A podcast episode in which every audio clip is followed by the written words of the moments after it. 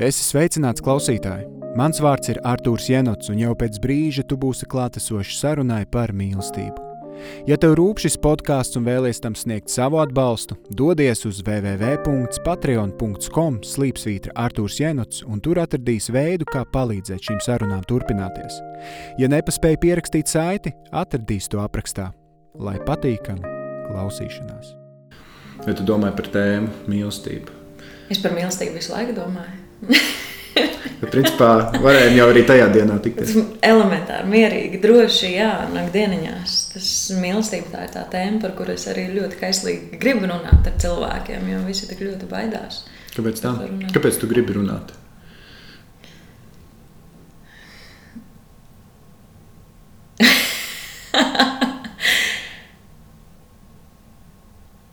es pieļauju, tāpēc, ka mm, man tik ļoti smeltas sirds redzēt, cik ļoti cilvēki baidās no mīlestības. Cik viņiem ir ārkārtīgi liels bailes mīlēt.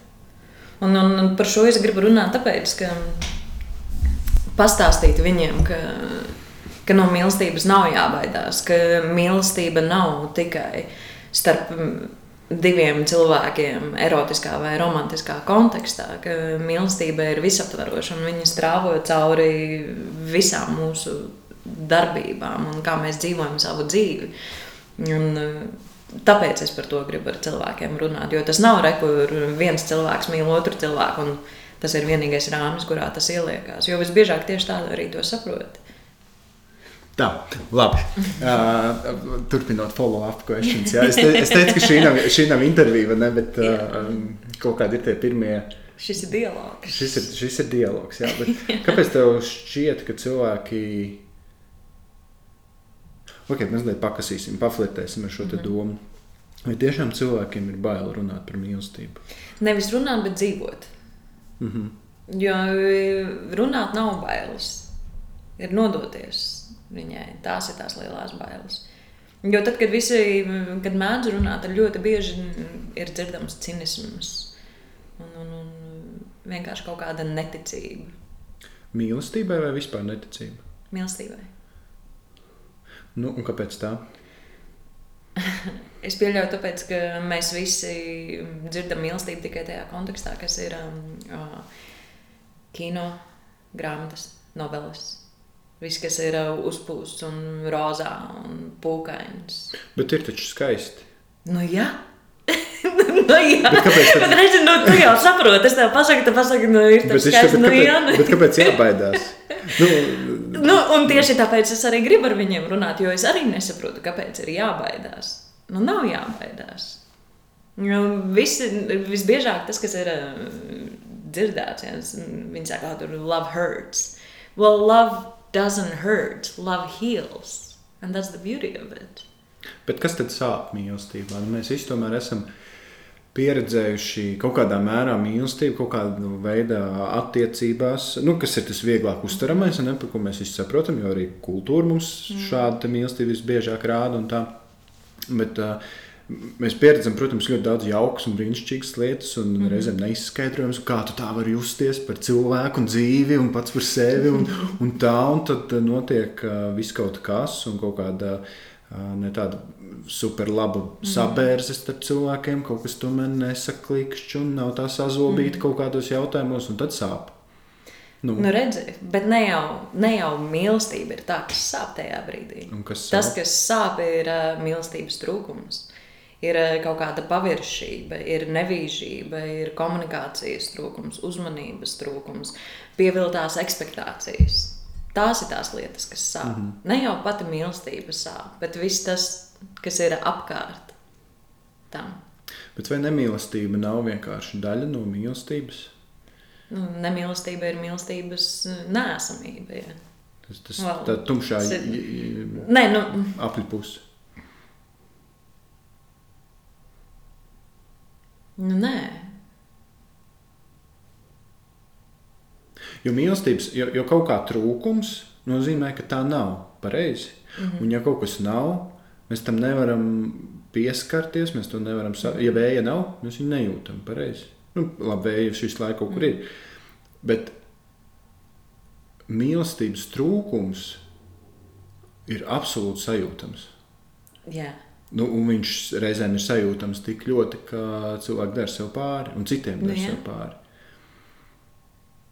Un vai tad nesanāk, ka tas mīlestības trūkums un nemīlestība ir daļa no tā visa kopuma, ko mēs saucam par mīlestību? Es, koķ, es nesaku, ka tā es koķetēju vienkārši ar šo ideju.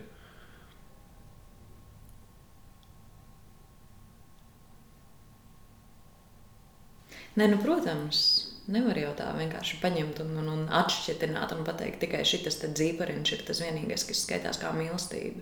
Mm -hmm. Bet um,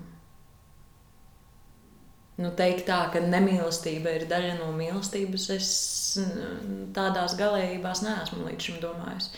Jo, Liekas, nu, liekas traki galīgi. ne? Tā, tā, ir, tā ir traģiska galējība. Mm. Jo nu, mm, mīlestības nēsamība tā ir ļoti, ļoti bēdīga eksistence. Un tā ir tiešām pustukša dzīve. kaut- Bet tā ir mana izpratne. Es Mhm. nezinu. Bet, okay, bet varbūt tas. Uh, hmm.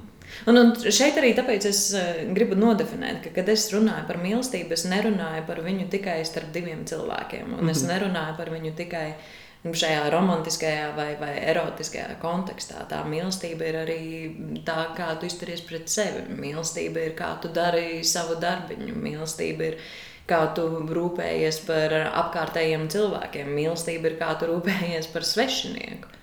Ja, nu tas viss visā tavā darbībā, kā tāds pozitīvs, gaismas pilns enerģijas avots. Nu, Kaut kā tā viņš pelna.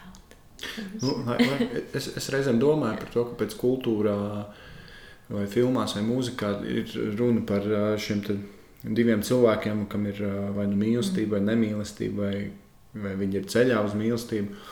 Mm, Kā, kāpēc tā? Un, laikam tas ir tāds ļoti uzskatāms un sataustāms piemērs, ko mēs varam ļoti, ļoti ātri noķert un sajust. Jo, piemēram, sevis mīlestība, nu, viņa tā kā no se- nu, Tad viņi ir iekšā jāsajūt. Mm. Un viss, kas ir mūsos iekšā, ir nu, baigais čakars. Tomēr. Nu, tur mm. ir baigais čakars. Kamēr tu vispār uzzini, ka tur iekšā var lietas sataustīt un pārkārtot un sajust. Bet tomēr, tad, kad tu aizies pie tā otra cilvēka un tu viņam pieskaries, tu to mīlestību uzreiz vai nu spēj iedot, tu jūti, ka tu iedod, tu, mm. un, un, un tu jūti, ka tu saņem. Tas ir ļoti uzskatāms piemērs, ko mēs varam forši atrādīt. Kādu, piemēram, kādu tu taisītu filmu, kas būtu par uh, sevis mīlestību? Kādas viņa taisīta? Kā tu mēģinātu parādīt šo te šķautni mīlestības? Mm. Uzskatām vēlams. Man uh, pat, pat nav runa par mēģinājumu. Man jau uh, simpozijam uh, kontekstā man ir ļoti skaidrs, kā es viņu parādu. Un, uh, tas, tas ir pilns cikls, tas ir pilns iekšējais ceļojums, kur līdz šai visaptvarošajai absolūtajai mīlestībai viņai ir jāiziet cauri gandrīz uh, visiem uh, deviņiem uh, Elas gradzeniem, mm -hmm. lai līdz kaut kam tādam varētu nonākt. Un, un, un viss arī sākot no visdzīvnieciskākajiem instinktiem, no, no nu, tīri tā, arī enerģētiskā līmenī. Mēs sākam ar zemākajām vibrācijām, un tikai tad mēs ejam ar vien augstāk un augstāk un augstāk, līdz tu sasniedz to, kas ir tas gaismas punkts, mm -hmm. kur viņš ir visaptverošs. Un tad atverās tas mīlestības okeāns tevī pašā. Principā mums jā, ja filma jātaisa par deviņiem mēls uh, lokiem. Nē, tas um, mīlestības, um, nu, kā jau minēju, ja, nu, viss, viss ir tas vislielais veselums. Ja, nu, un, uh, dzīvnieciskās vibrācijas arī ir daļa no tā. Mēs, mēs nevaram nonākt līdz kaut kam uh, augstākam, pirms mēs neesam sajutuši tās uh, basu notas, gluži nē, bet Mm -hmm. tos apakštoņus.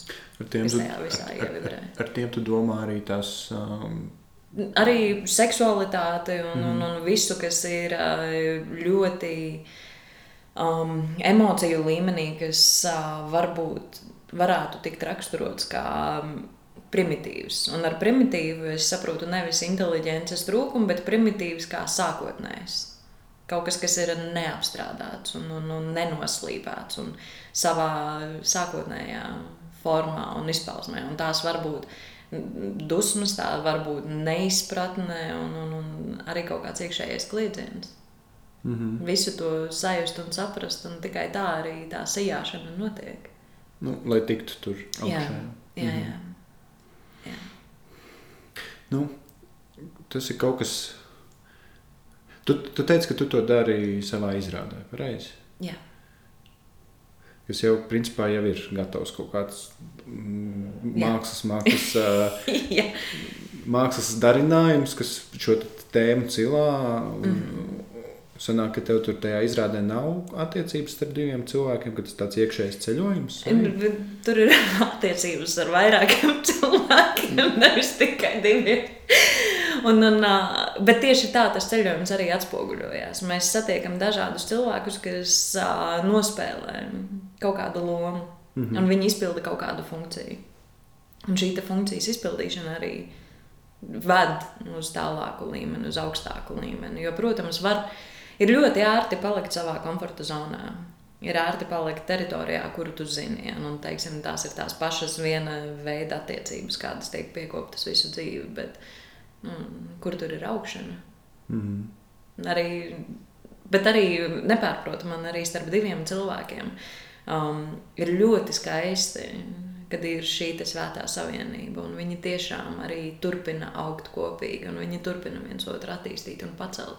Un tas ir ļoti skaisti. Jā, nav obligāti mums jāsatiekās ar septiņiem cilvēkiem, lai mēs varētu šo kultivēt. Mm -hmm.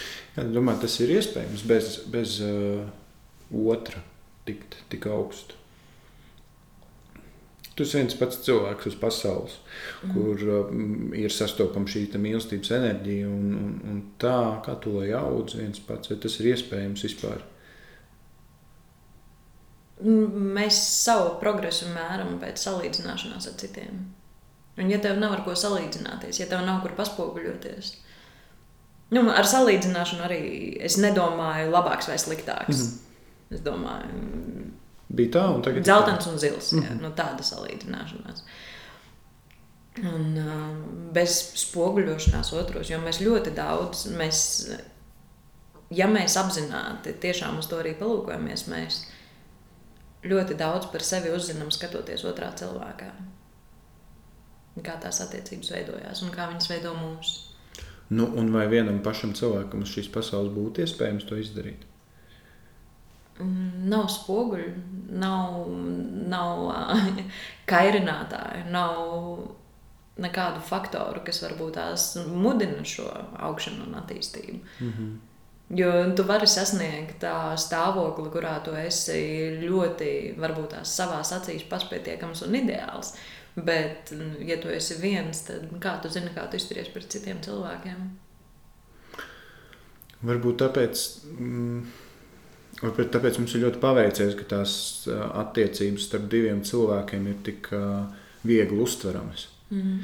Jo viss, kas ir saistīts ar sevis mīlestību, vai pasaules mīlestību, vai mīlestību pret darbu, ir.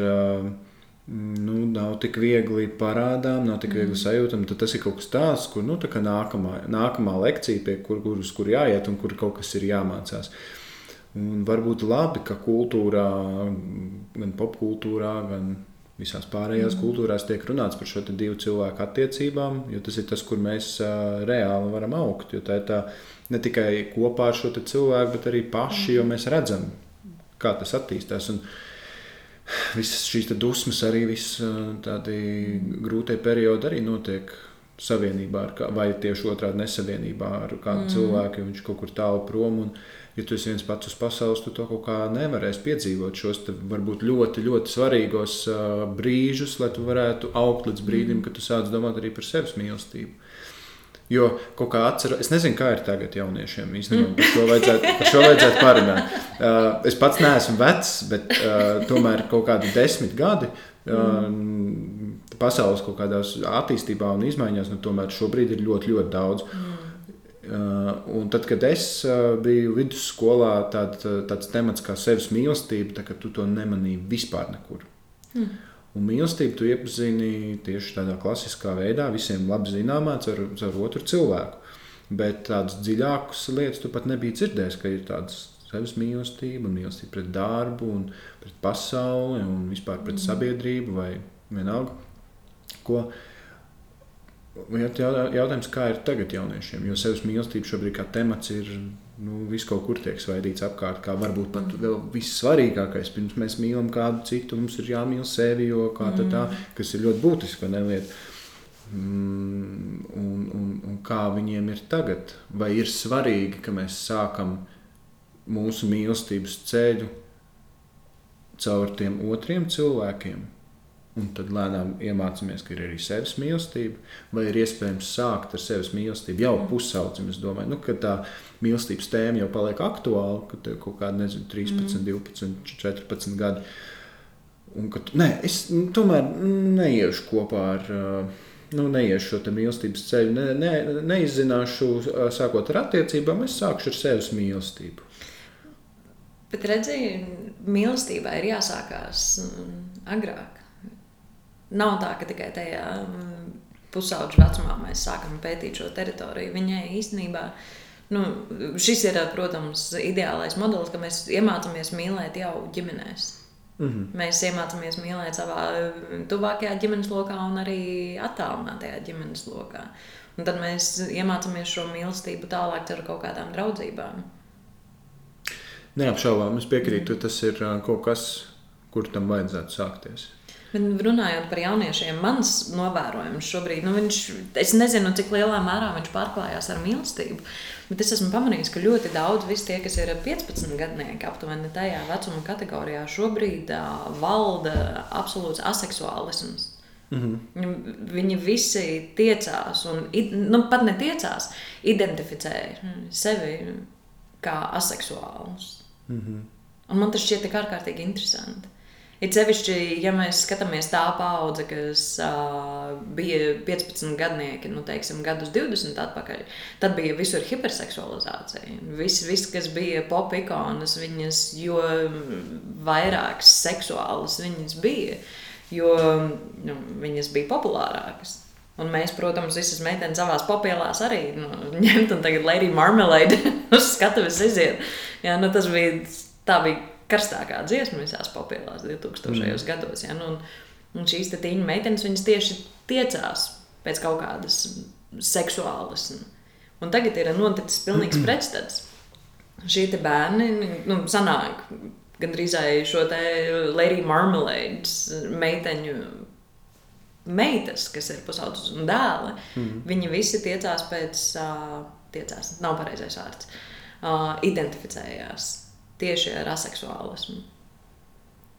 Bet kur tur ir paralēlis ar mīlestību, es vēl neesmu īsti nokalibrējusi. Jo es pati esmu tikai dažus šādus jauniešus redzējusi. Un, mm. un, un vienīgais jaunietis, kuru es eh, varbūt tās nedaudz tuvāk zinu, mēs neesam par šīm tēmām runājuši. Bet es zinu, ka šis, šis jaunais cilvēks sevi um, varbūt līdz galam nepieņem. Mm -hmm. Es man nesen biju tieši jaun, jaunā gada vakarā, bija saruna par, par, par dzimumu maiņām. Mm -hmm. Un par uh, vīriešiem, kas ir iesprostots sievietes ķermenī, un sievietēm, kas ir iesprostots vīriešu ķermenī, un tam līdzīgi. Un, uh, man atnāca tāda doma, absolūts nākotnes pareģojums, ja, kā mhm. varētu būt. Um, ka var būt mēs šādi ejam. Nu, ka ir um, cilvēki, kam ir šīs sajūtas, ka viņi nav īsti tajā ķermenī, un tad viņi vai nu maina dzimumu, vai, vai kaut, kā, kaut kā savādāk to visu kārto. Tad mums tagad tās arī veidlapas nu, štatos, gan tādās ritīgi attālākās vietās, kur ir entie dzimumi, kurus tu vari atzīmēt. Mm -hmm. Man un izvēlēties neatzīmēt. Un izvēlēties vēl neatzīmēt, jo tu vēl meklē savienību. un, un es domāju, varbūt mēs ejam uz to, ka nu, ka nebūs tāda dzimuma kā tāda. Ir vienkārši ķermenis, kuram ir papildus funkcija šāda, un savienojoties ar uh, citu ķermeni, rodas bērns. Mm. Un ka tas pār, ka varbūt ka mēs ejam uz to, ka mums nebūs tāda dzimuma vispār. Mm. Un uh, liekas, pilnīgi, protams, vaiprātīgi, un ne īpaši no mūsu skatu punkta, nu, kas tas ir, ko mēs tagad tās, līdz tam brīdim tur katrs izdomās savu dzimumu, un varbūt daba uz to spiež. Kaut kāds iemesls, jo ir kaut, kāda, kaut kādam iemeslam ir jābūt, Nu, mēs pat tuvu stāvam tajā lielajai bildē, kāpēc šobrīd uh, ir tik aktuāls, piemēram, transseksuāļu tēmas vai pusauģiem, kā tu saki, ka tu jūti, ka varētu būt tas aseksuālisms. Un kādreiz bija sā, nu, ir iemeslam kaut kādam jābūt, kāpēc šis te, šīs te lietas tā mainās un uz ko tas viss iet. Un mēs, protams, stāvam pa tuvu tam visam un visticamāk ne, ne, ne mēs, ne mūsu bērni, ne mūsu mazbērni nepieredzēs to, uz kurien tas viss iet, mm. bet uh, noteikti mani mazbērni un mazmazbērni augs pasaulē, kur būs pilnīgi savādāk nekā ir šobrīd. Nu, Bet uz kurien tas viss iet, man nav nejausmas. Un tad man, un tad man do, tad tā domā, varbūt tas ir tas ceļš. Ja vien nenotiek kaut kāda milzīga kataklizma vai, vai, vai, vai kaut kas, kas pārtrauc mūsu attīstības ceļu, mm. tas liekas tāds pilnīgi loģisks, varbūt pat ceļš, uz kurien doties. Mm. Nevienam, uh, Nav svarīgi, tu esi vīrietis vai sieviete, tu esi cilvēks, tu esi būtne. Mums ir šāda tehniska iespēja radīt uh, pēcnācējus. Varbūt tie pēcnācēji mums pat emocionāli nav piesieti tā. Mēs viņu mīlam, jo viņš ir, mēs viņu radām dodamies radīt vēl kopīgi. Mēs kā sabiedrība viņus izaudzējam, tos pēcnācējus, sējam tās labās vērtības un tam līdzīgi un strādājam pie kaut kā uz kaut kurien. Es nezinu, pilnīgi utopiska doma. Šo var arī turpināt atšķirt. Jo īstenībā jau tieši šobrīd arī tā vajadzētu būt, ka mēs visi vispirms esam cilvēks viens otru acīs. Mm. Un tikai pēc tam varbūt tās parādās kaut kāda nozīmē, to esi vīrietis vai sieviete. Mm -hmm. ja, nu, tad, par to jau arī visi tā dzimuma vienlīdzība taču ir. Ka pamatā mēs visi esam vienādi cilvēki ar visām savām vienādajām iespējām. Mm -hmm.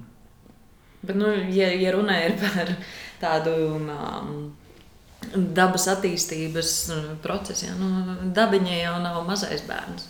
Jā, nu, ja viņai, kur nu, mēs esam. Nu, jā, nu, ja viņai šobrīd ir pārāk smagi, jā, nu, nu, protams, evolūcija ir neparedzama šobrīd.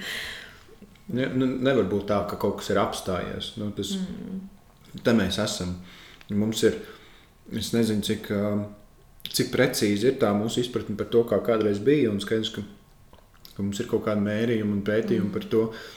Bet eh, cik tas viss ir precīzi, nav ne jausmas, bet mēs redzam, ka attīstības ceļš ir bijis. Mm. Un, nu, tā viena lieta, kas pasaulē nemainās, ir tā, ka visu, visu laiku kaut kas mainās. Mm. Tā kā uz kaut kurien mēs ar šo visu ejam, kur tur tajā visā pa vidu ir mīlestība, man nav nejausmas. Jo pieņemsim, pieņemsim ka ir tie, tas bezdzimuma, mm. bez, bezdzimuma būtne. Um, nu, skaidrs, ok, rekur notiek seks, bet seks notiek ļoti racionāli iemesli, ļoti praktiski iemesli dēļ ir jārada pēcnācējs. vai mīlestība tur pazūd, vai ne? Kā mīlestība tajā visā iesaistās? Varbūt, mīlestība jau ir uztverta kā tik, nu kā. Nu, šī jau izklausās pēc kaut kādas distopijas, vairāk Aldous Huxley, Brave New World. nu. Who knows? Jo kaut kur viņai ir jābūt vietai. Mm. Tā liekas. Arī tādā pasaulē, arī tādā vai nu distopijā, vai utopijā, bet, bet kaut kur tur ir vieta viņai. Man liekas, neizpēkami. Jā. Man, man izklausās, ka tu mīlestību ļoti cieši sasaisti tieši kā, kā tēma, kas ir starp partneriem.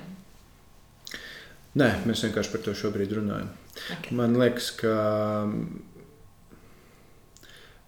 tu jau pateici to, kā man liekas, ka mīlestība ir vairāk par šo te, ko mēs visu laiku tik ļoti redzam un tik ļoti jūtam.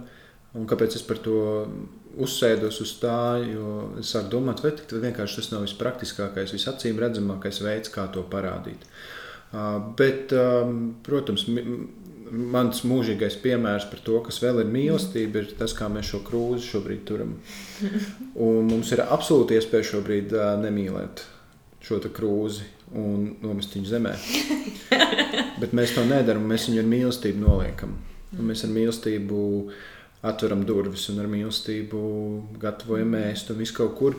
Un šīs ir tādas ļoti netveramas lietas. Jo tas liekas, nu kā, nu racionāli, es negribu saplēst krūzi. Jā, bet tur ir kaut kas vēl apakšā.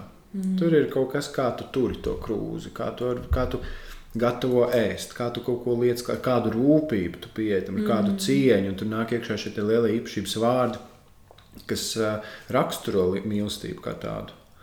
Un mēs vienkārši vēl ne, neko kā vēl neprotam, neesam tik ilgi kā sabiedrība, man liekas, šīs lietas tā pētījuši un ziņām skatījušies. Es domāju, gan jau kāds zinātnieks ir jau pētījums rakstījis par šo, bet uh, nu, sabiedrība kaut kā par to mīlestību tomēr, viņiem ir acīm redzamais piemērs kultūrā un rekurs savienības starp diviem cilvēkiem.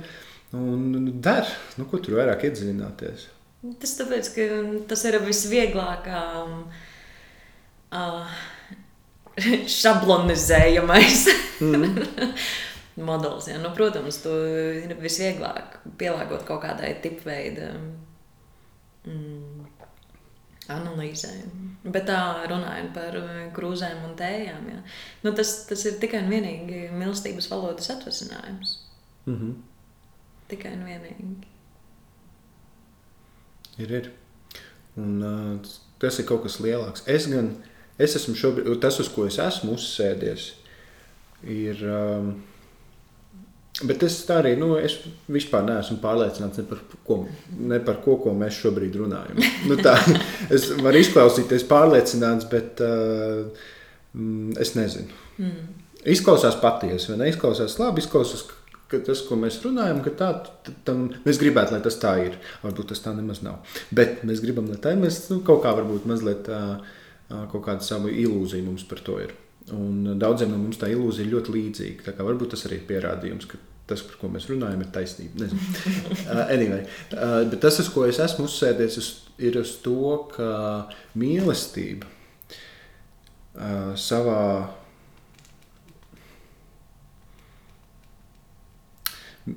ir vēja enerģija, ir saules enerģija, ir ūdens enerģija Un, uh, varbūt viņas nav vienos plauktiņos ar mīlestības enerģiju, bet man ir sajūta, ka, ka tas varētu būt no viena, no viena skapja. Mm. Un mīlestības enerģiju vienkārši mēs neesam iedomājušies likt uz papīra un likt kaut kādas aprēķinas un kā tas strādā.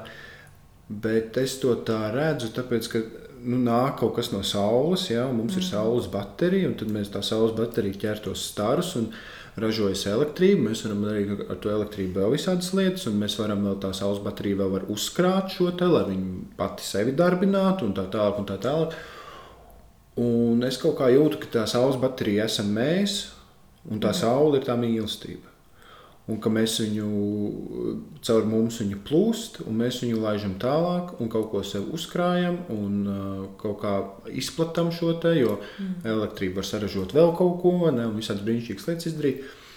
Um, un, protams, ja mums tas uztvērējs ir kāds viņš ir, vai viņš ir sabojāts, vai mūsu tvertnīte ir pabojāta, tad, nu, tad mums ir bijis grūtāk šo enerģiju gan, gan uzsūkt, gan dalīties un vispārējo. Bet tā ir enerģija un ka mēs viņu ļoti jūtam. Un tāpēc ir tā, ka ir cilvēki, kas viņu jūt nenormāli, viņiem mhm. vienkārši tas uztvērējs ir savādāks, un viņi jūt viņu nenormāli. Un, un Viņiem ļoti paveicās, ja viņš šo enerģiju var forši nodot tālāk. Bet ir kam ir grūti. Viņi met tam, un tas neņem pretī, un sāp, un met tam, un neņem pretī, un sāp. Un, un tu ar šo milzīgo spēku, kas tev plūst iekšā, netiec galā. Man ir teorija. No. nu, ja mēs runājam par eh, enerģijām, līdzīgi kā eh, tā saules enerģija vai elektrība, mm. nu, saules enerģija ir skaidrs, tu to bateriju kaut kādā noteiktā daudzumā uzlādē, mm -hmm. un tad tu zini, ka tev ir eh, x enerģijas, ko tu vari no šīs baterijas mm -hmm. izmantot.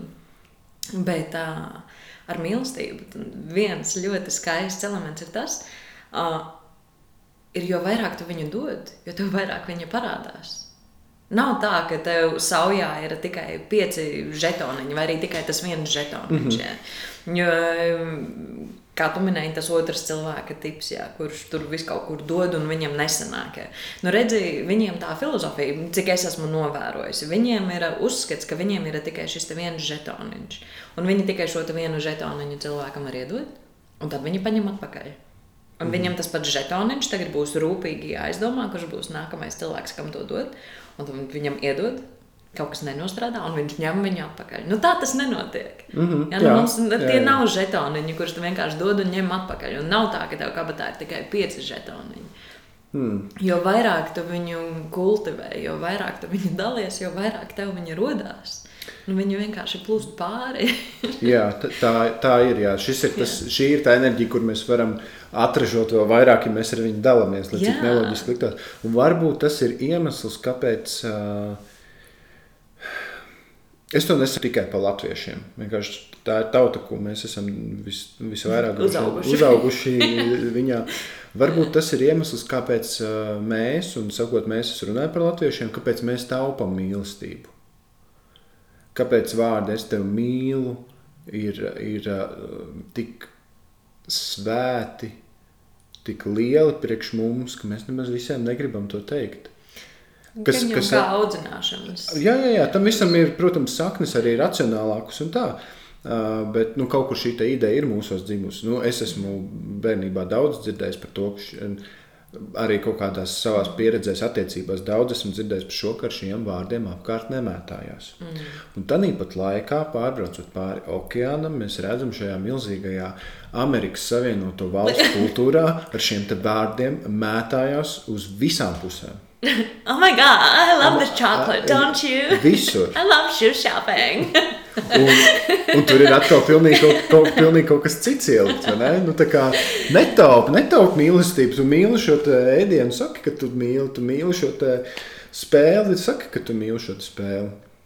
Francūži visu dievina, žadāru. Viņam visu dievina. Tu, protams, ka tur ir saknes, ne? Šeit, mm. kāpēc, mēs, kāpēc tāds ieradums ir. Bet uh, es piekrītu, taupīt, mīl, taupot mīlestību, tā mīlestība vairāk nerodās. Viņa pie tevis paliek. Viņa, viņa izsīkst. Jo vairāk tu viņu taupi un jo vairāk tu viņu tur pie sevis, viņa vienā brīdī izsīkst. Jo tas, tas ir tā starpība starp uh, turēt sevī mīlestības okeānu un, un, un mēģināt visu šo te nolikt kaut kādā um, ūdens tvertnē, ūdens tilpnē. Mm -hmm. Ja tas ūdens, ja viņš neturpina skaloties, un ja viņš neturpina kustēties, viņš sastāvās un viņš vienkārši izčākst. Vienā brīdī viņš izgaist. Un tāds sastāvējies paliek. Mm -hmm. Jo tur nav nekāda enerģijas plūduma. Visi šie kanāli viņa aizsēdē. Nu, vismaz tas ir tas, kā es to sevī esmu jutusi. Mm -hmm. un, un, un, runājot no tādas ļoti subjektīvas un personīgas pieredzes. Vai tā nav arī ar kaut kādām citām enerģijām? Tur, piemēram, kaut kādu, nu, kas mums abiem varbūt tāda uztveramāka, uzreiz radošā enerģija. Noteikti. Pilnīgi noteikti. Creativity begets creativity. Tajā brīdī, kad sāc kaut ko radīt, ja, nu, tad tev rodās vēl vairāk idejas un vēl vairāk visādas čakras pavarās vaļā. Uh, Mm. Absolūti, jā. Kad domāju, radošo enerģiju, līdzīgi kā ar mīlestību, mīlestības enerģiju, arī ir jādalās, vai tas ir cita matemātika, bišķiņa ap, apakšā? ja salīdzinām. Nē, nu, ja salīdzinām. Tā tad, ja tu ar savu radošo enerģiju, ar savu šajā gadījumā uzskatīsim, ka tavs radošās enerģijas iemiesojums ir tavs mākslas gala produkts. Mm -hmm. nu, ja tu ar viņu nedalies, ko tas nozīmē? Tu kaut ko esi uztaisījis, un tu viņu ieliec skapī, un tas nekad neredz dienas gaismu. Nu, jā. Jo tajā mirklī, kad tu esi kaut ko radījis un ka tu viņu dalies cilvēkiem, nu, tā jau ir enerģijas dalīšanās. Jo mēs arī iedvesmojamies no, no gataviem mākslas darbiem. Mm, mm. Ja nu nav runa tikai par vizuālo mākslu, tad par jebko. Varbūt jebkas, mm. vienalga, kāds tas formāts ir. Un, un, un, Bet arī būt radošu cilvēku klātbūtnē, arī tas ir iedvesmojoši. Ja? Nu, nav jau tā, ka mēs nozogam šīs idejas. Ja? Jo viena lieta, pieņemsim, šis pats dopamīns plēšs, ko mēs šodien darījām. Ja? Nu, mm -hmm. Tas koncepts nav oriģināls mētāties ar krāsām un, un, un izrakstīties ar krāsām kā daļa no tādas iekšējās atbrīvošanās. Tas koncepts absolūti nav oriģināls. Viņš ir darīts entajās pasaules malās un visdažādākajos veidos. Tas, kas ir oriģināls, ir pieņemsim manis pašas izpildījums. Mm -hmm. Un kā es esmu nodrošinājis, ka cilvēki šo te var darīt. Kāds cits paskatīsies šo, un viņi arī ņems un darīs ar krāsņām, un viņiem būs pilnīgi cits koncepts un cita realizācija, kas iespējams uzrunās pavisam citu mērķa auditoriju. Mm. Un, tā tās enerģijas viņas arī staigā. Un tas nenozīmē, tagad, ka pēkšņi es būšu nabagāka tikai tāpēc, ka kāds cits būs paņēmis un kaut ko realizējis. Ja nu gadījumā kas tad īstenībā cilvēks, nu, mērķa auditorija ir tas ieguvējs, jo tagad viņam ir vairāk iespējas, kur kaut kā priecāties un atbrīvoties un izplosīties. Mm. Tā ir. Plus, pasaulē ir tik daudz cilvēku, ka mm. nu, cik biznesiem jābūt, cik, cik jāuzstājas ir šāda krāsu. Um, sauksim, krāsu spēles terapija, ja, lai, lai tā kā nevienam tas nebūtu finansiāli nu, izdevīgi. Ne, nu, tā, tā konkurence, nu, viņiem parādās tajos brīžos, kad runa ir par kaut ko, kas ir ārkārtīgi pragmatisks un tehnisks. Nu, es nezinu, pieņemsim. Um, um, koka klucītes 5x5x5 centimetri. Ja? Mm. Nu, tajā brīdī, kad nav šī radošā enerģija, bet ir kaut kas nu, fiziski, praktiski mērāms, nu, tad, jā, tad arī sāk veidoties kaut kādas tās, tās konkurences elementi. Bet, ja runa mm. ir par radošo enerģiju, viņai taču tur ir 101 garša un pēcgarša. mm. ja, viņas ir tik ļoti atšķirīgas. Un, un... Uh Tu šodien man jau ieskicēji par dopamīnu splašu, bet, uh, bet kāda ir tā doma apakšā? Tu man vienkārši jau sāki par mīlestību runāt, kad mēs to darījām. uh, pamat, pamat, pamat doma ir vienkārši ienest prieku cilvēku dzīvēs. Jo es, es pati sajūtu, cik man vitāli pietrūka veids, kā priecāties. Vienkārši tīri, šķīsti, neierobežoti izpriecāties. Un tajā mirklī, kad es sajūtu, ka lūk, šāda iztašķīšanās ar krāsām, ja, cik nenormāli lielu prieku viņa man sagādā. Un tad tu pēkšņi kādam citam kaut ko šādu nodrošini, un tu ieraugi prieku arī viņa acīs. Un tu sajūti, ka tas līdzprieks ir tieši tikpat enerģētiski uzlādējošs kā pašas piedzīvots prieks. Nu, kā lai ar šito nedalās? Mm -hmm. ja, nu, un, un tā arī ir mīlestības valoda. Tu vienkārši gribi sniegt kaut ko skaistu un labu apkārtējiem cilvēkiem. Un, um, pašreklāmas teksts šobrīd. Ja? -hmm. jā, jā, jā. ja, ja, nu, tu, tu atnāc uz sesiju un tu izplosies, un tavā dzīvē tās ir nu, 20, 45 minūtes, vai arī, ja mēs pasēžam ilgāk, ja, nu, tad tā arī ir tā pilnā stunda. Tu šo piedzīvo tikai vienu stundu, bet es ieguldu tik nenormāli lielu darbu apjomu, lai nodrošinātu, ka tev ir šī stunda, kurā tu ne par ko citu nedomā. Mm. Es, es tiešām to nemāku citādi racionalizēt, kā pateikt, ka tā ir vistīrākā mīlestības valoda. Mm. Tik lielu darbu ieguldīt tikai tāpēc, lai viens cilvēks var atnākt un uz pusstundu aizmirsties. Un gūt no tā gandarījuma. Ja? Nu, tas, tas ir visciešākais dopamīns. Mm -hmm. Man, ne tikai tev. Tāds. Jā, jā, jā, tā ir. Tā ir brīnišķīga lieta. Jā. Man liekas, ka tā ir brīnišķīga lieta, ko darīt. Absolūti. Absolūti. Pilnīgi noteikti. man liekas, arī zini, šajā gadījumā arī, un lai ne tikai tevi komplimentētu, bet arī, bet arī citus uh, cilvēkus, kas ne tikai rada, bet arī dara, uh, to ka kaut kam ir pieiets ar mīlestību klāt, mm. var diezgan just un redzēt. Oh, jā. mm. Jautājums ir, vai mēs, tad, kad tur nav tās mīlestības klāt, vai mēs to vispār, kā mēs to redzam? Tad uzdevums mm. mums visiem pieķert, paskatīties apkārt ikdienā uz ko cilvēki dara, vai tas ir veikalā vai, vai vienalga, viselementārākās darbības un pavērot, kur ir kur ir mīlestība un kur mīlestības nav. Mums ir viena, mums, um, tur, kur mēs dzīvojam, ir veikals, tur ir viena pārdevēja, kur tu uz viņu skaties un domā, kā šis cilvēks, kuram ir šī brīnišķīgā enerģija, viņā iekšā strādā, strādā veikalā. Un nav runa par darbu kā tādu, bet uh, par apstākļiem, kurā viņi atrodas. Uh, viņai tur ir uh, Viņa plēšās tur ar visādiem cilvēkiem, tur pie kases, tur viņai ir nazi, ir draudēts, nu, viss kaut kas tamlīdzīgs. Bet tā mīlestība, kas no viņas strāvo ārā, un ar kādu mīlestību viņa to savu darbu dara, ir vienkārši brīnišķīgi. Un liekas, nu, kā tā var būt? Viņai, nu, tā kā viņai tā mīlestība acīm redzams sprāgst ārā, to nevar neredzēt. Un, uh, viņa bieži vien, kad mēs atnākam, viņa vienmēr mums sasveicinās, paprast, mm. kā iet, novēl labu veselību, novēl, lai mums viss brīnišķīgi ir. Ja es esmu viens, tad viņa saka, lai es pasveicinu savu draugu. Es nezinu, vai viņi zina, ka mēs esam precēju, precējušies, bet mēs jau gadiem tajā veikalā ejam un gadiem ar viņu tiekamies. Bet, un, uh, Un reizēm viņi kaut ko uzdāvina no kases mm. apakšas, izvelk ārā kaut kādas končiņas. Tas jums lai pie tējas vakaram? Nu, tā, ka tu vienkārši, tu vienkārši tu saņemsti pretī tai milzīgai enerģijai, ko šis cilvēks dod. Un tā ir tāda ļoti acīm redzama lieta, kur mīlestība, kur redz, ka mīlestība ir darbā ielikta un vispār pret cilvēkiem, bet arī tādās ikdienišķās situācijās pavērot, kur, kur cilvēks Man ir iespējams atbildēšana.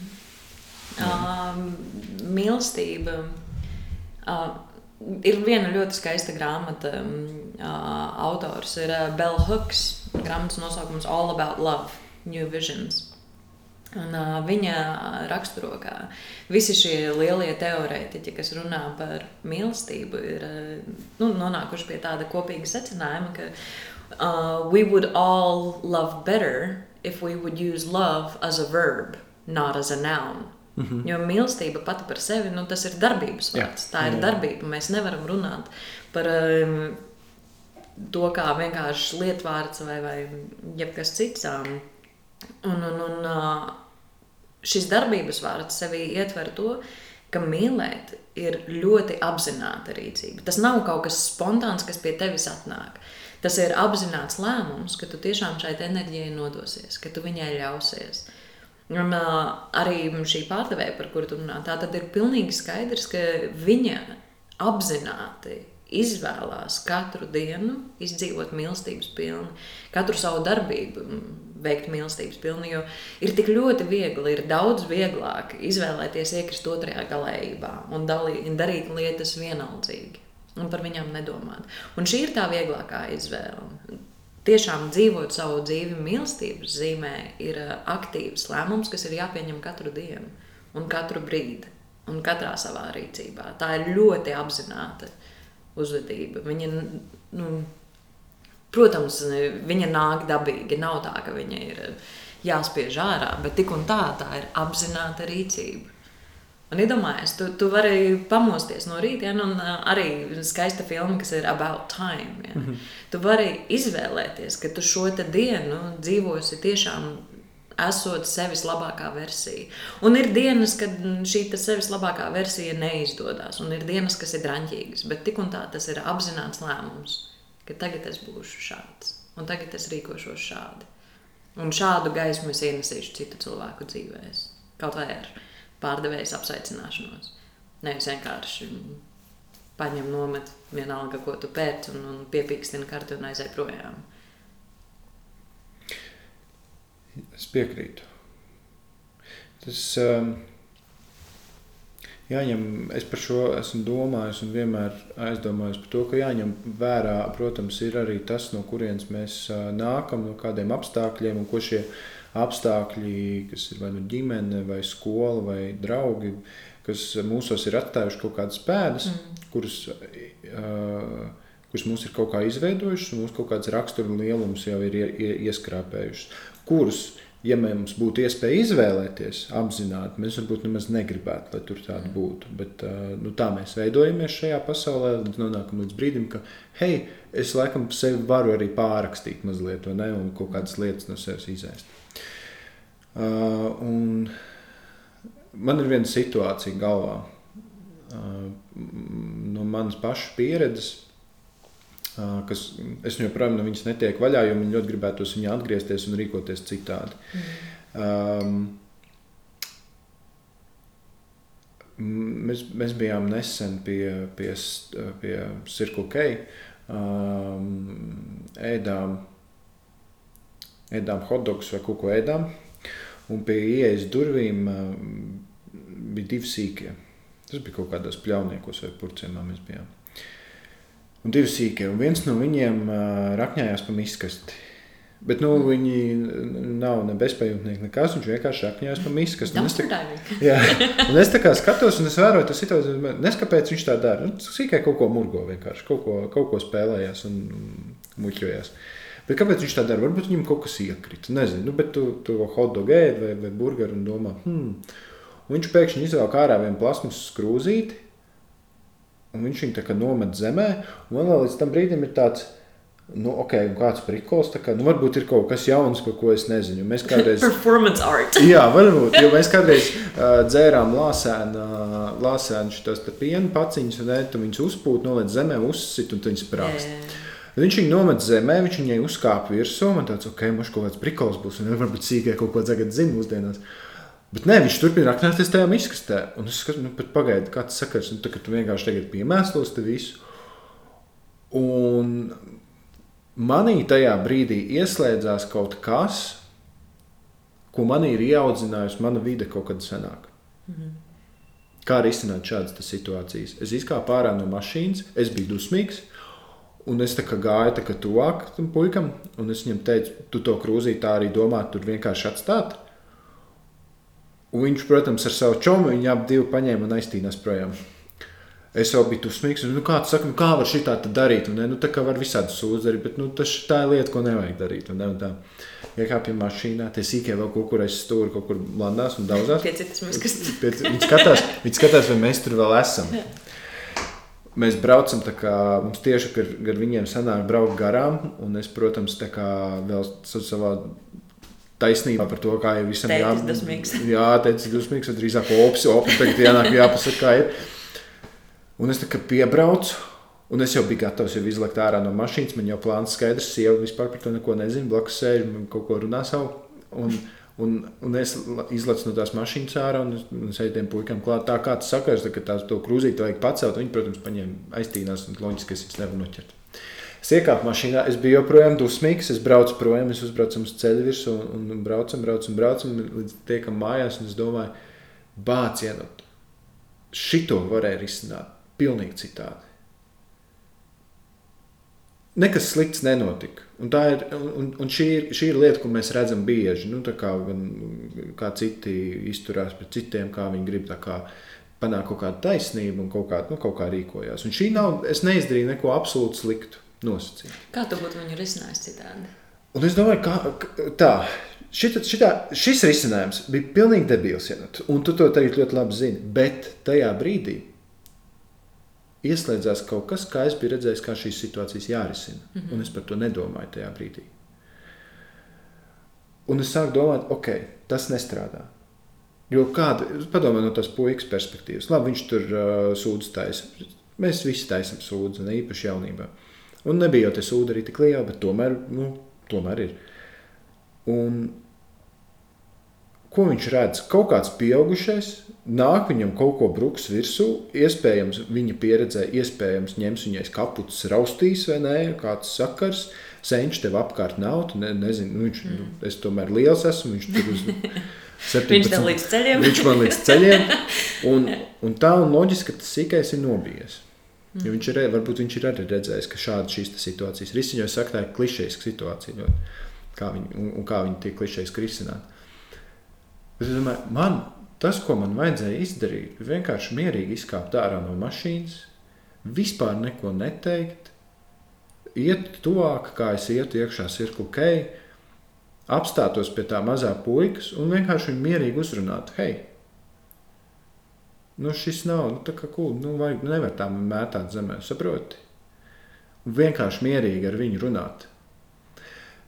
Ka, varbūt viņš to krūzi, nezinu, kā tā situācija ir izsnātos tālāk. Varbūt viņš viņu pacēla, varbūt viņš arī aiztītos projām. Varbūt viņš paskatītos, ah, un aizskriet prom kaut kāds lielais ar mani runā un kaut ko man par to krūzīti, ko es nometu zemē. Bet, bet tomēr Kurš no šiem abiem veidiem ir cieņpilnāks, un mīlošāks, un, un, un mierīgāks un, un tam līdzīgi? Un loģiski, nu, tas ir acīm redzams, ka tas otrais. Bet, bet ko es ar to gribu teikt? Ka, uh, pat tad, kad es zinu, um, un pieņemu arī ikdienā šos apzināti pieņemu lēmumus, kā kaut kādas lietas darīt, un reizēm tas prasa tādu nopūtu garāk, vai ne? Un, okay, šīs lietas ir jādara šādi, mierīgi un tālāk. Uh, ir kaut kādas lietas, kas mūsos ir tā ierakstītas, ka mēs pat neapzināmies, ka mēs tādā situācijā varētu tā rīkoties. Un tad tu sev noķer pie tā, pats, bet varēja labāk. Varbūt tas tam puikam atstātu iespēju, ka pasaule nav briesmīga, ka ne visi pieaugušie nāk viņam dot pa galvu par to, ka viņš kaut ko ir izdarījis ne tā. Varbūt mm. viņš tā vairāk nedarītu. Jo, hei, man cieņpilni atnāca un teica, ha, nemet zemē, nav cool. Nu, laikam tad jau nav cool. Nevis mm. nav tur raustīt, vai ne, tu zini, tu stūps, es šitā te mētāt. Mm. Un pat cilvēkiem, kas, un es sev uzskatu par mīlošu cilvēku, pat tādiem ir grūti reizēm ar šādām situācijām. Jo, Protams. jo pasaule mums ir atstājusi savu nospiedumu. Mm. Mums tagad viņš ir jāizsaka apzināti, un reizēm tas ir čakars. Es nezinu, vai šajā situācijā ar to puiku tas uh, būtu nostrādājis, bet um, man ir viena lieta, ko es uh, saku visiem, kad uh, es redzu, ka kāds uh, izsmēķi nomet zemē. Mm -hmm. Un, ja sanāk tā, ka tiešām arī es eju garām, vai arī nu, tur tā situācija tāda izveidojas, vienmēr saka, jums nokrita. Mm -hmm. jums nokrita. Atstāj... Es, es, es atvainojos, jums nokrita. ielika, ielika komatu viņa dzīvē, tajā brīdī kaut kur pie kā apstāties un padomāt. Jā, jā, varbūt. jā, jā, Jā, jo nu, tajā mirklī tas nav nekāds pārmetums. Es atvainojos, jums nokrita. Varbūt tās viņš negribēja mēs zemē. jā, tu nezini. Jā, jā, varbūt tās tiešām nokrita. Tā ir. Izsmēķēta cigarete. jo, nu, arī ir, jā, tā ir, ir jāmāk atrast, protams, arī to kaut kādu robežu, nu, kur, vai, vai man ir jāaudzina tas puika un jāstāsta viņam, kā ir, vai tas ir jādara viņa vecākiem, vai mēs visi esam tomēr vienā laivā un viena sabiedrība, mums vienam otru ir jāaudzina, un kā to darīt, un kurš labāk zina. Un varbūt ir tie, šis ir, man liekas, tas par izsmēķi ir labs veids, kā ielikt savu to inputu sabiedrības augšupējā ne, un attīstībā. Tad taču ēdi hotdogu, tu varēji, vai burgeri, varēji pats aiziet to papīrīt arī iemest miskastē un paskatīties jā. uz viņu zīmīgi, neko nesakot. Skaties, kā jādara. Nu, jā, rādīt Check piemēru. this bitch. Jā, nu, jā. Tas, tas piemērs palīdz, ne? Nu, mēs jau tomēr visi, mēs redzēju, ka šādu mana mamma dara, nu es tā daru. Es redzēju, ka mans mm. tēvs šādi dara, es tā daru. Manās pirmajās attiecībās bija šādi. Un tagad man liekas, ka tā ir jābūt arī citās. Mm. Vai tas nav tā? Mm -mm. nu, tur jau nu, var citādi. Man liekas, ka tas arī ir. Mēs jau tagad ar visu informācijas milzīgo lauku, man liekas, briedam tikai tagad ārā no, mm. no šīs te, kaut kādas iekautās apziņas, ka nē, citādi jau nevar. Bet var pasties, kā var. Bet var tik daudz dažādu veidu, kā var citādi. Un, jā, es jāsaprot, kurš ir labākais, vai arī ar kurus tikt vēl labāk. Bet... Bet, zini, visos šajos gadījumos tik un tā ir jāatcerās pats svarīgākais. Um, būt saudzīgam pret sevi tajos brīžos un pārāk sevi nenosodīt. Man vienkārši būtu labākais sevis versijai nākamreiz. Jā, nu tas. Uh, Protams, nu, šajā situācijā es nedzīvoju šobrīd ar to, ka ai, tu sabojāji puikam bērnību. Ko tu zini? Ko tu zini? Es nezinu. Viņš. Viņš neies. Viņš tagad vairs vispār pie miskastēm neies klāt. Tieši tā, pat izmest neko. Jā, visu metīs jā, zemē. Jā, un tagad mēs pēc desmit gadiem skatīsimies, būs kaut kāds šovs par mm, hoarders. Aha. Pro, protams, un tur jau ieslēdzās šī tēma sevis mīlestība. Mm -hmm. Jo es jau varētu sev mocīt šobrīd ar šo te, bet vai tas, būtu, vai tas nāk par labu man? Mm, mācība ir eh, iegūta un ir skaidrs, ka tas ir jādara citādi nākamreiz. Tas arī viss. Ne uz priekšu. Jā, jā, tieši tik vienkārši. Bet, zini, tā ir tāda. Vispār šī ir pirmā reize, kad es par šo stāstu. Mm. Es par šo ietvītoju, ka bija tāda situācija. Bet pirmā reize stāstu par to, ka um, Tas kaut kas tāds, ko es nelepojos. Bet, un kaut kas, kas man iedeva arī padomāt par to, kā var mm. savādāk. Bet ir tādas, man liekas, nu, šī tāda viegla situācija, bet ir tomēr arī tādas smagākas, kuras droši vien ir grūti. Tā, ok, mm. bija, bija. Jāsaprot, kā labāk, jāiet tālāk un jādara labāk nākamreiz. Jā. Tāds piemērs uzreiz nenāk, bet. Um, es viņus visus apzināti esmu aizmirsis. Tās... Šo informāciju mēs noliekam, mēs par viņu vairs nedomāsim, jo viņas dēļ nevar aizmigt. Jā. jā. Tā ir tā brīnišķīgā lieta par mums cilvēkiem, ka brīnišķīgā un vienlīdz arī uh, grūtā uh, tas, ka mēs aizmirstam. Mm. Tas ir brīnišķīgi, jo tad nu, mēs nevaram visu, mēs nedrīkstam visu atcerēties. Mēs vienkārši prātā sajuksim. Mm. Tad īpat laikā mēs aizmirstam arī labās lietas, visādas. Un aizmirstam reizēm arī tos svarīgos brīžos, kad viņas tiešām vajadzēja. Un tad mēs atceramies, bāc, kā varēja šitajā izmantot šo te. Mm. Un par visādām vērtībām aizmirstam. Jo ir tāds, es reizēm domāju, vai tās. Uh, ir tādas rītīgas, smagas vērtības, kuras ir ikdienā ļoti grūti atcerēties. Nu, es nezinu, tur. Tam bija tek. Kaut, nu, kaut vai. Es domāju, ka mums daudziem šī, te, šī te lieta, kā, kur mēs milzīgi svarīgā mācība izturēties pret citiem tā, kā tu gribi, lai izturās pret tevi. Mm. Nu, tu nepamosties ar tādu domu. Tev, ir, tev šī vērtība sevī ir kaut kā jāatrod praktisks veids, kā sevi iekultivēt, tā lai viņi dabiski notiek. Lai tev nav jāatgādina sev. No rīta pamostās visas desmit paušas noskaidrot. Jā, kaut kā viņas ir sevi jāieskrāpē, tā lai tu viņas vienkārši dabiski nāk no tevis ārā.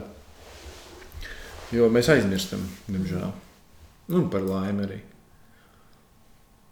Un tā. Mm. Par mīlestību runājot. Par mīlestību. Uh, es tev neuzdevu jautājumu, ar kuriem sāku šīs sarunas. Un, zini, cik mēs runājam jau gandrīz stundu, un es tev nepajautāju. Jā. Um, un tu pastarpināti arī to atbildēji uz, uz šo jautājumu. Bet, uh, kas priekš tevis un kā tu jūti, kas ir mīlestība? uh, mīlestību es izjūtu sevī kā mm, mīlestības okeānu. Tas ir vienīgais, kā es to varu raksturot. Tā ir neaptverama, nesatverama, konstanta sajūta iekšēji. Es nezinu, man, man pat nav veids, kā viņu konkrētāk definēt. Ja? Nu, viņa strāvo cauri visam.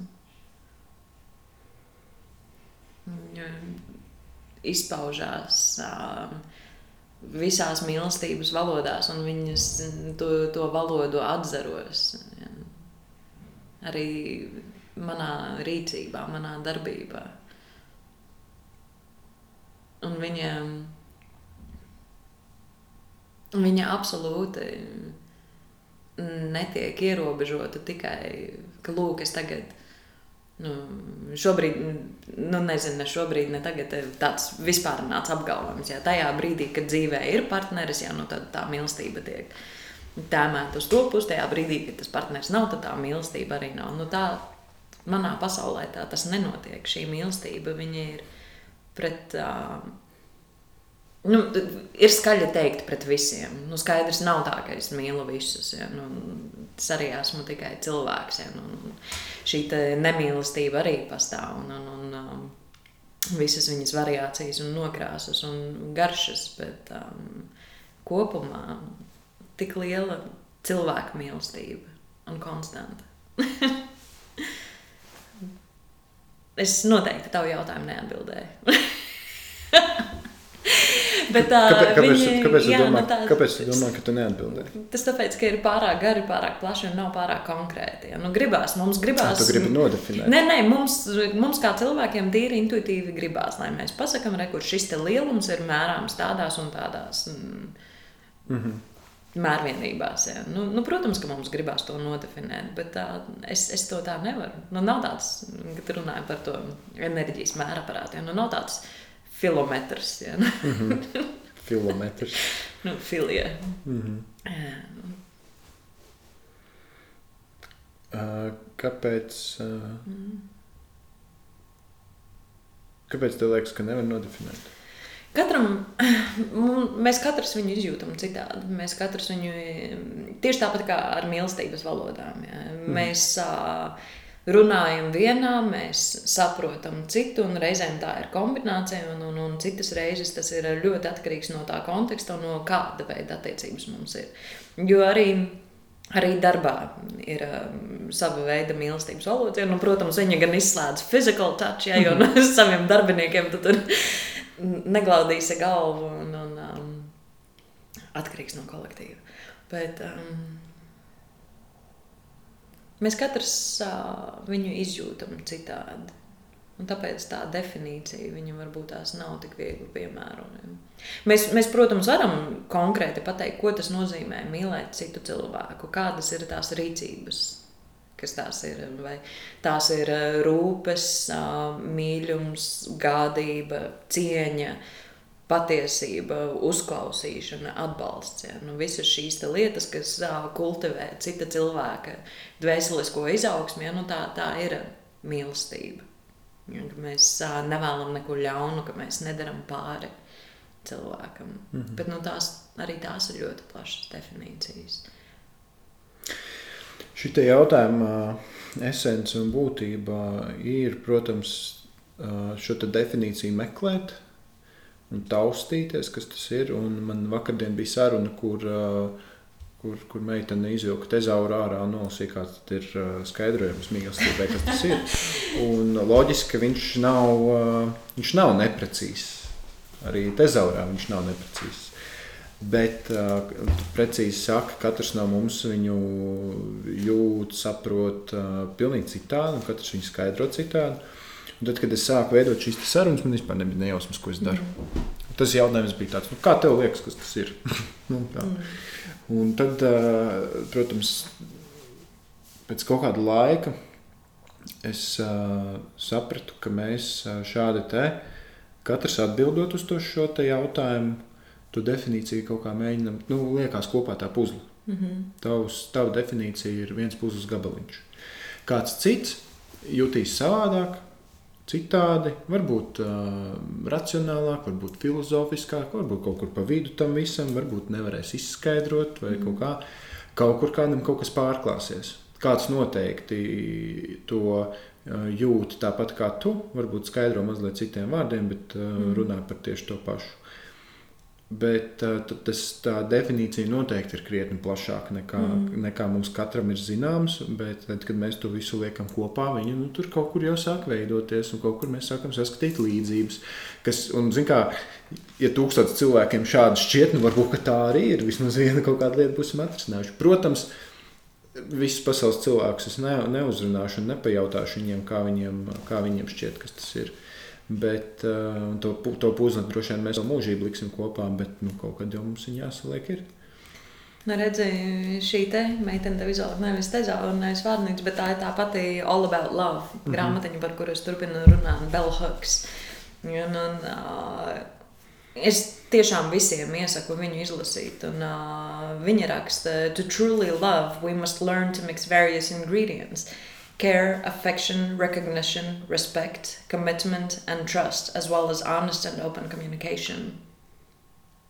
Nu, visi, visi šie elementi. Un, un viņi, tas, kas man patīk šajā mm, definīcijā, ir, eh, viņi neierobežo sevi tikai uz partnerattiecībām. Viņi, šis ir ļoti plašs jēdziens uz visām cilvēku attiecībām. Arī um, Es noņēmu ātri sameklēšu. Ir vēl viens citātiņš, kas man ļoti, ļoti patīk, um, kur arī tiek uh, definēta mīlestība. Bet um, to es laikam tagad tik ātri. tik ātri neuzšķiršu. Šīs ir tās pauzes, par kurām es runāju, ka viņas netiks izgrieztas. Nē, tas ir tev. Vai tev nav jāgaida?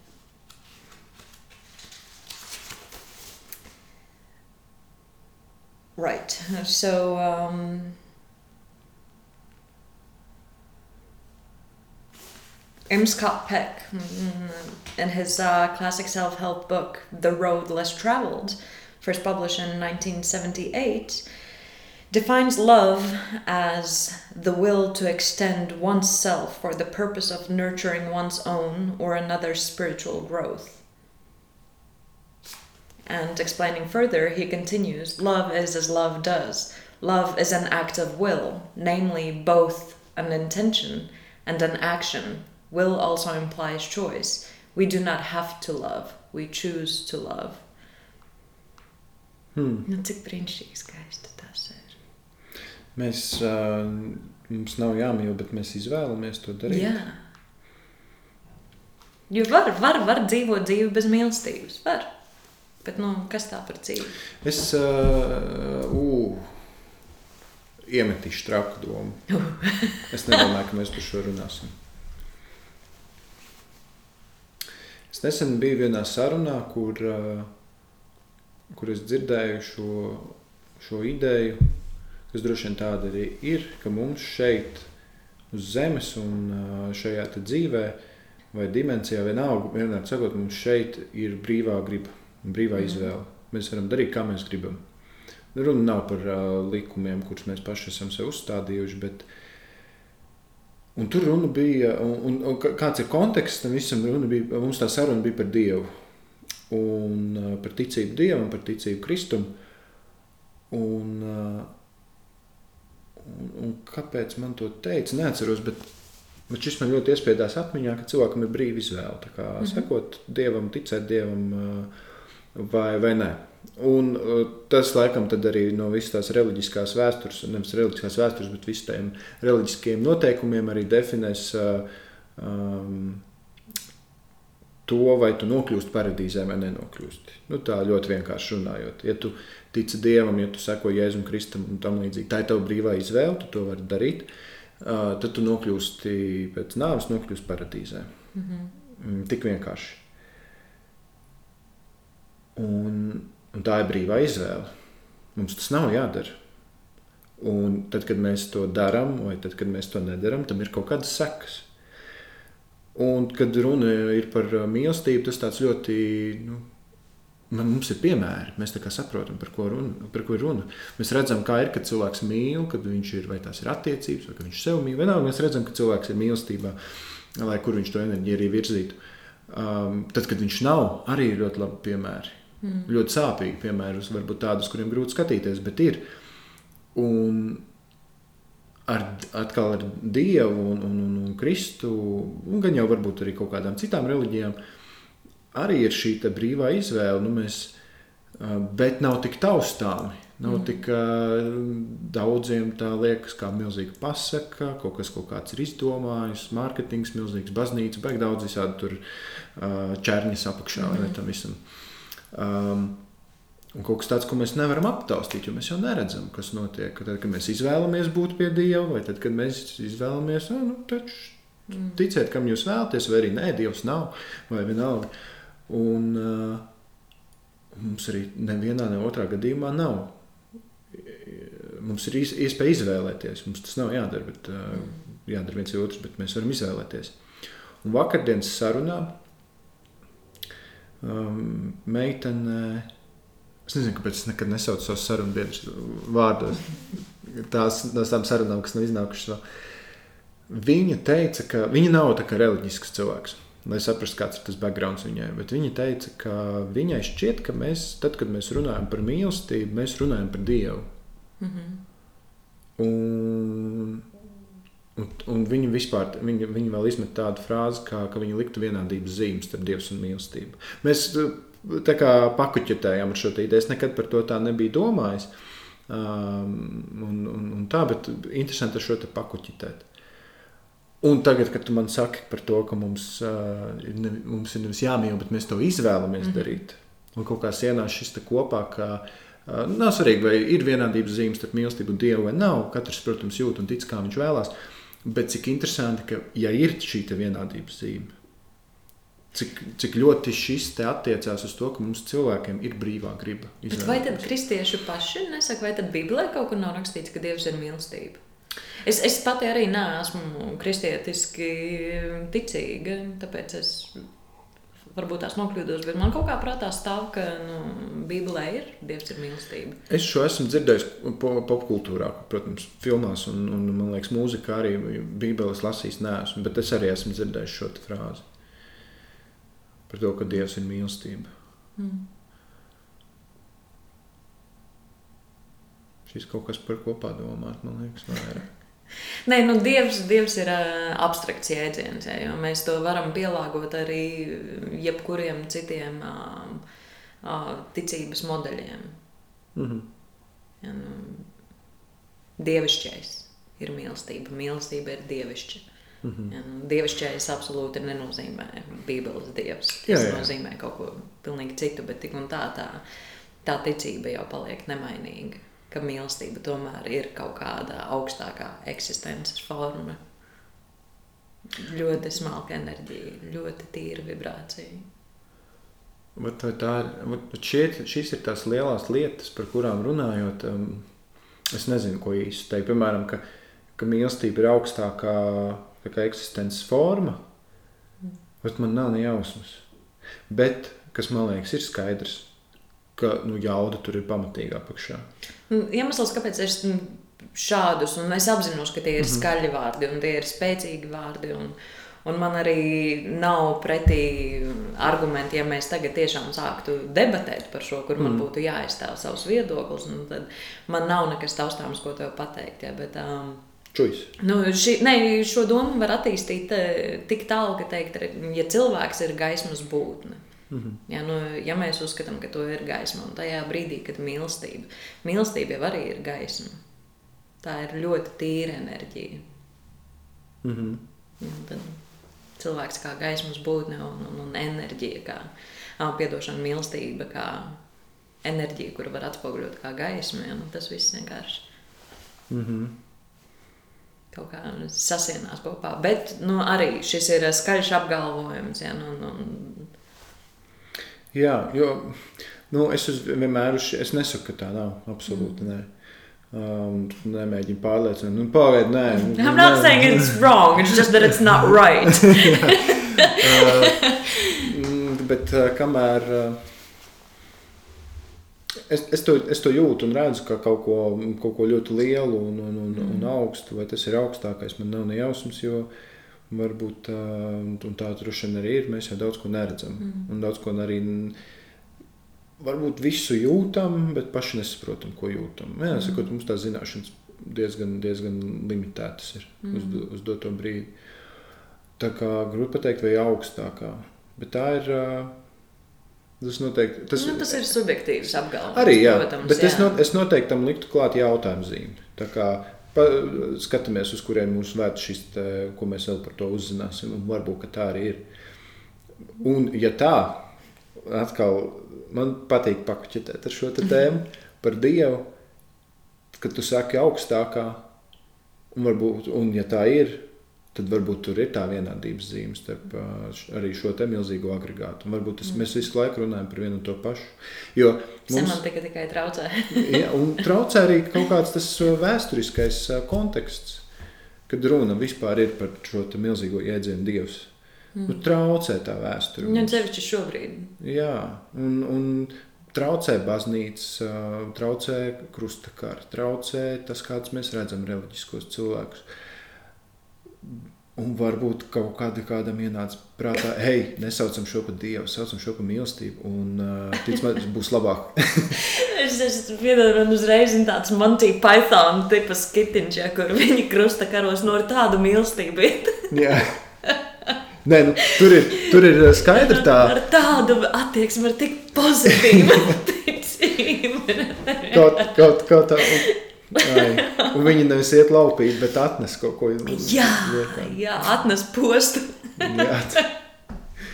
Tas būtu, tas būtu brīnišķīgi.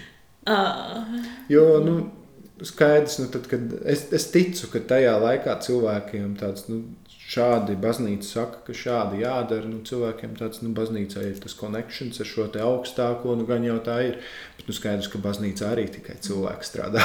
Nē, nu labi, un bija arī viduslaika, un, un, un bija variants, ja tu neesi zemes īpašnieks, tad mm, cits ļoti labs veids, kā nopelnīt savu maicīti, bija dienēt un iet karā. Ja, un, Mm, nu, tad tev jā. vismaz nav jāuztraucās par to, vai tu vari būt saimnieks vai nē. Nu, tur taču ir viss cits konteksts, bet ne jau par to mēs atnācām. Jā, runāt. ne par to. Vienkārši tas tika. nu, Vienkārši man viena meitene teica, ka, ka viņa kaut kur dzirdējusi par to, ka, ja mēs neatradīsim veidu, kā runāt par Dievu caur citiem vārdiem, izmantojot to nesaucot par Kristu vai Dievu, saucot to par mīlestību, piemēram, mēs ļoti ātri iepazīsimies. Jo šiem lielajiem vārdiem ir kaut kāds tāds konteksts aizmugurē, kur cilvēks tiklīdz viņš izdzird, hei, vēlēs parunāt par Dievu, ir tāds, nē, nē, nē nu, tā kā es esmu redzējis filmās, visu kaut kur, nē, šis nedara, vispār reliģija diezgan liels bullshits un aiziet prom. Bet, ja tu pienāc klāt un saki, hei, vēlēs parunāt par mīlestību, Sasodīt šī bija saruna par Dievu! mani pievīli. un, un, un tur ir tā fiška, ka cilvēkam uzreiz tas nu, jā, nu, tas ir viens un tas pats. Un, un, un kāds ir atradis, vai Dievs vienkārši saprata, jau viņi visi sačakarēja man to šo jēdzienu, vai kaut kādu jaunu ieviest. Jo es, es neesmu šo te pētījis, bet šo vajadzētu droši vien man, man pašam atrast, un varbūt, ja kāds zina, var uzrakstīt, varbūt kāds, kādam jau ir atbildi, bet kur ir radies šis jēdziens mīlestība mūsu, ne mūsu valodas, varbūt konkrētais vārds, bet vispār cik sen atpakaļ, kur ir redzams pirmo reizi, kad cilvēks vispār runāja par šādu tēmu. Nu, kā, kā popkultūras fenomens, nu, tas, ko mēs šobrīd redzam literatūrā un kino, tas, ja nekļūdos, ļoti aktīvi sākās tikai 19. gadsimtā. Nu, mhm. tādā mas, masu pieejamā formātā. Laikam tikai ap to laiku. Jo viss eh, ģimenes veidošana, laulības, tas viss vienmēr bija vai nu politisks gājiens, vai arī praktisks gājiens. Ģimene, ģimeņu savienības, vai arī man ir nepieciešams uh, saimnieks manai zemē vai saimniece manai mājai. Hmm. Jā, nā. vai asins, uh, asins līnijas saglabāšana. Jā, jā, jā. jā, jā. visi šie elementi. Bet nu, skaidrs, ka dzinieki par to jau ir runājuši aizvēsturiskos laikos. Mm. Um, Platonam arī ir uh, tāds ļoti skaists simpozijums, kurā viņš apspēlē domu, kas ir uh, mīlestības pirmsākuma. Es lasīju. Mm. Um, šajā simpozijā uh, visi lielie filozofi, viņi vairs negrib dzīvot, un, un, un viņi vienkārši ir aizsūtījuši projām visus mūziķus un, un, un visas kortizānas un kas ko vēl neko. Un izlēma, ka viņi sāks runāt par ko īsti sevi ietver vārds mīlestība, ko tas nozīmē. Un viens no šiem filozofiem sāka stāstīt uh, leģendu, ka pašos cilvēka pirmsākumos, pirms, pirms šīs te, pirms mēs zinājām, kas ir mīlestība, bija trīs dzimumi, kas skraidīja pa pasauli, riņķīja apkārt. Bija uh, Children of the Sun, Children of the Moon and Children of the Earth. Viens no tiem dzimumiem bija divi vīrieši, kā salipināti muguriņi pie muguriņas, divas sievietes muguriņas pie muguriņas, un sieviete un vīrietis ar muguriņiem salikt kopā. Un, esot šādā fiziskā veidolā, viņi bija um, neievainojami, laikam ir pareizais vārds. Uh, neaizskarami, jo kamēr viens varēja gulēt, tikmēr otrs varēja būt nomodā, un viņi visu laiku redzēja visu, kas notiek riņķī apkārt. Viņi, viņi bija pasargāti šādā te savā pilnīgā veidolā, kur viņi bija salīmēti kopā. Un, um, kad dievi redzēja, ka šie cilvēki nu, ir praktiski neiznīcināmi, viņi uh, pirmām kārtām uzskatīja, ka cilvēki sāk palikt iedomīgs, un, un, un paši dievi arī sāka justies nedroši savos dabasu krēslos, ka redzēt, ka tāds cilvēks skraida pa zemi. Jā, tāpēc tas, ko viņi izlēma, viņi sašķēla cilvēkus uz pusēm.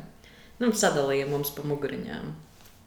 Un uh, izkaisīja visus šos cilvēkus riņķī apkārt pa visu pasauli. Bet tāpēc, ka mēs vienmēr bijām salīmēti ar muguriņām, mēs jau nekad īsti neredzējām, kā tā otra pusīte izskatījās.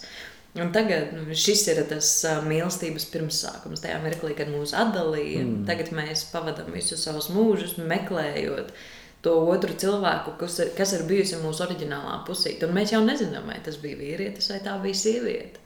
Un viss tas, nu, izmantosim vārdu, kā šis mīlēšanās akts ir mēģinājums atkal sakabināties kopā. Atkal saplūst kopā un atkal veidot to vienoto veselumu. Vai no šejienes varētu nākt šis meklēt otru pusīti? Nu, filozofija par šo mm. ir runājuši. Jā. Jā.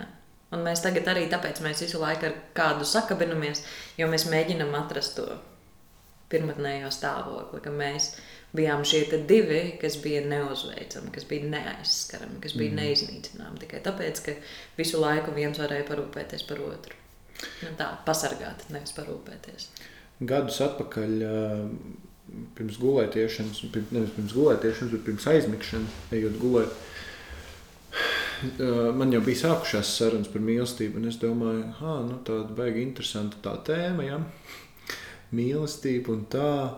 Nu, bet kāpēc viņi te, nu, kāpēc viņi te ir un, un, un kāpēc mēs tā esam vispār galvā? Mm. Un kaut kā pie manis atnāca doma, ka tas, kāpēc mēs šeit esam, ir, ka šī ir vienīgā, acīm redzama, mums, vai vismaz pagaidām, vienīgā zināmā vieta, kur mēs mīlestību varam pieredzēt tā, kā mēs viņu šeit pieredzam. Mm. Un ka tad, kad mēs šeit neesam, un kad mēs esam kaut kāds tāds enerģijas gaismas lauks, kas lido, Mums ir visa šī mīlestība un šī gaisma mūsos jau ir iekšā, es redzu, ka lido vēl viens arī tāds pats lauks, un es gribu ar šo te padalīties, mēs tā kā saskaramies un sājam kopā, bet nav trūkst, es nevaru tev, es nevaru tev iedot. Vai kaut kāda risinājuma šim visam? Taktīlā pieredze, viens tā, no pieciem. jā, tā, tā, mums vajag kaut kāda, kaut kāda ideja šim visam. Hei, redz, kur ir šī, šī planēta ar šīm visām iespējām ejam tur, un tur mēs varēsim pieredzēt visu to maksimumu. Un, um, man reizēm ir tā, ka tad, kad es uh, samīļoju savu, savu, savu sievu, un tad, kad mēs esam apskāvušies, man gribās būt vēl tuvāk. Mm. Vēl tuvāk. Un nav runa par seksu, kas mm -hmm. varētu būt vēl tuvāk, ja? bet, bet, bet, bet vēl tuvāk, bet nevar ir, mēs varam darīt jebko citu, visu kaut ko citu mēs varam izdarīt. Mm. Skūpstīties, paiet galviņu viens otram, sildīt, bla, bla, bla, visi iespējamie veidi, bet mēs nevaram saplūst kopā. Jo mm. mums, man liekas, ka tā sajūta par to saplūšanu kopā nāk no, nāk no tā, kas mēs esam, šie gaismas, šie ķermeņi, kuri var saplūst kopā. Un tā ir vienīgā lieta, ko mēs šeit nevaram izdarīt. Bet viss pārējās, toties mēs varam, bet mēs iemainījām to pret šo te. Uh, es nezinu, vai tā ir. Bet, um, Indijā saka, ka tantra. sa, Tad tur tās enerģijas un gaismas saplūstot kopā. Mm. Bet tas ir brīnišķīgs stāsts par, par šiem muguriņām. Mm -hmm. Un redz, no kurienes nāk otra pusīte. Varētu būt. Iespējams. Jo kaut, varbūt ka viņi nāk arī no divām sirds daļiņām. Nu, ka ir sadalīt. Bet tā jau tikai viena sirds, ko tu tā kā saliec. Es nezinu. Pagriezties sirsniņu otrādi sanāk dibens. Tas arī mīlestībā ir visnotaļ svarīgs rakstura lielums, dibens. Mm -hmm. Bet skaisti. Mm -hmm. Tu atceries, ka tev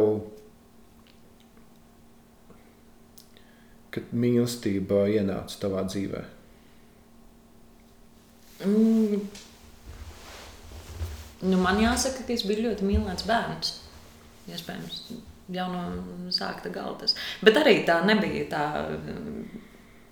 Tā, tā zināšana man ir tikai tagad, kad es biju tāds mīlēts bērns. Jo arī tipiskā latviešu ģimenē viņam vēl piedāvājām arī šķirtie vecāki. Neviens tur ne, nevienam neteica, ka mm. kādu mīl. Bet, um, Labi, ka ir, cit, labi, ka ir vēl citas valodas, ne? kā to darīt. um. Jā, es, es vienkārši pieļauju, ka tas vienmēr ir bijis klātesošs. Nu, protams, tajā brīdī, kad tu 14 gadīgai man būtu paprasījis, ja, vai es jūtos mīlēt, es, protams, biju kā jau tīnis. Ja, nu, Noteikti atbilde būtu ļoti citāda un teikt, ka neviens man nemīl, es nevienam neesmu vajadzīga un cienīšu visus. Ja? Mm. Nē, nu, tas tā dramatizējums tik traki jau, nu, gan jau, ka tā atbilde nebūtu bijusi, ja? bet, nu, tipiski tam vecumam taču. Nu, tas arī droši vien, ja kāds tev par tām lietām nerunāja. Es mm. nezinu, vai tagad runā, bet es zinu, ka nerunāja. Mm par, par, par šādām lietām. un neskaidroji. Un tad tev liekas, ka tu esi nemīlēts. Mūsu, mūsu vienaudži saviem bērniem šobrīd par to runā. Noteikti. Jā, es, es, es domāju, ka visu, kaut kāda daļa pavisam noteikti. Jo šīs tēmas beidzot par viņām runā, jau, jau lab, kaut kādu labu laiciņu jau runā. Un taustās, un viss visu laiku domā, kā jau es teicu, sevis mīlestība ir milzīgs temats, kas ir ienācis. Un loģiski, ka mēs šo te nodosim tālāk bērniem.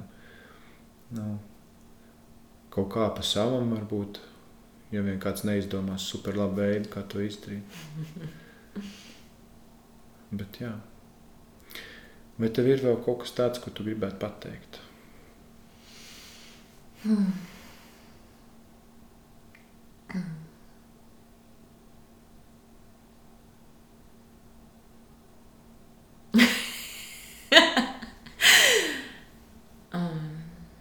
Tas, tas, ko es uh, pašā sākumā pieminēju, love does not hurt, love heals. Tas ir tik svarīgi. Mīlestība ir tik ļoti dziedējoša vieta, kurā būt. Jā. Punkts. Punkts. Vai arī? Super. Paldies, tev liels.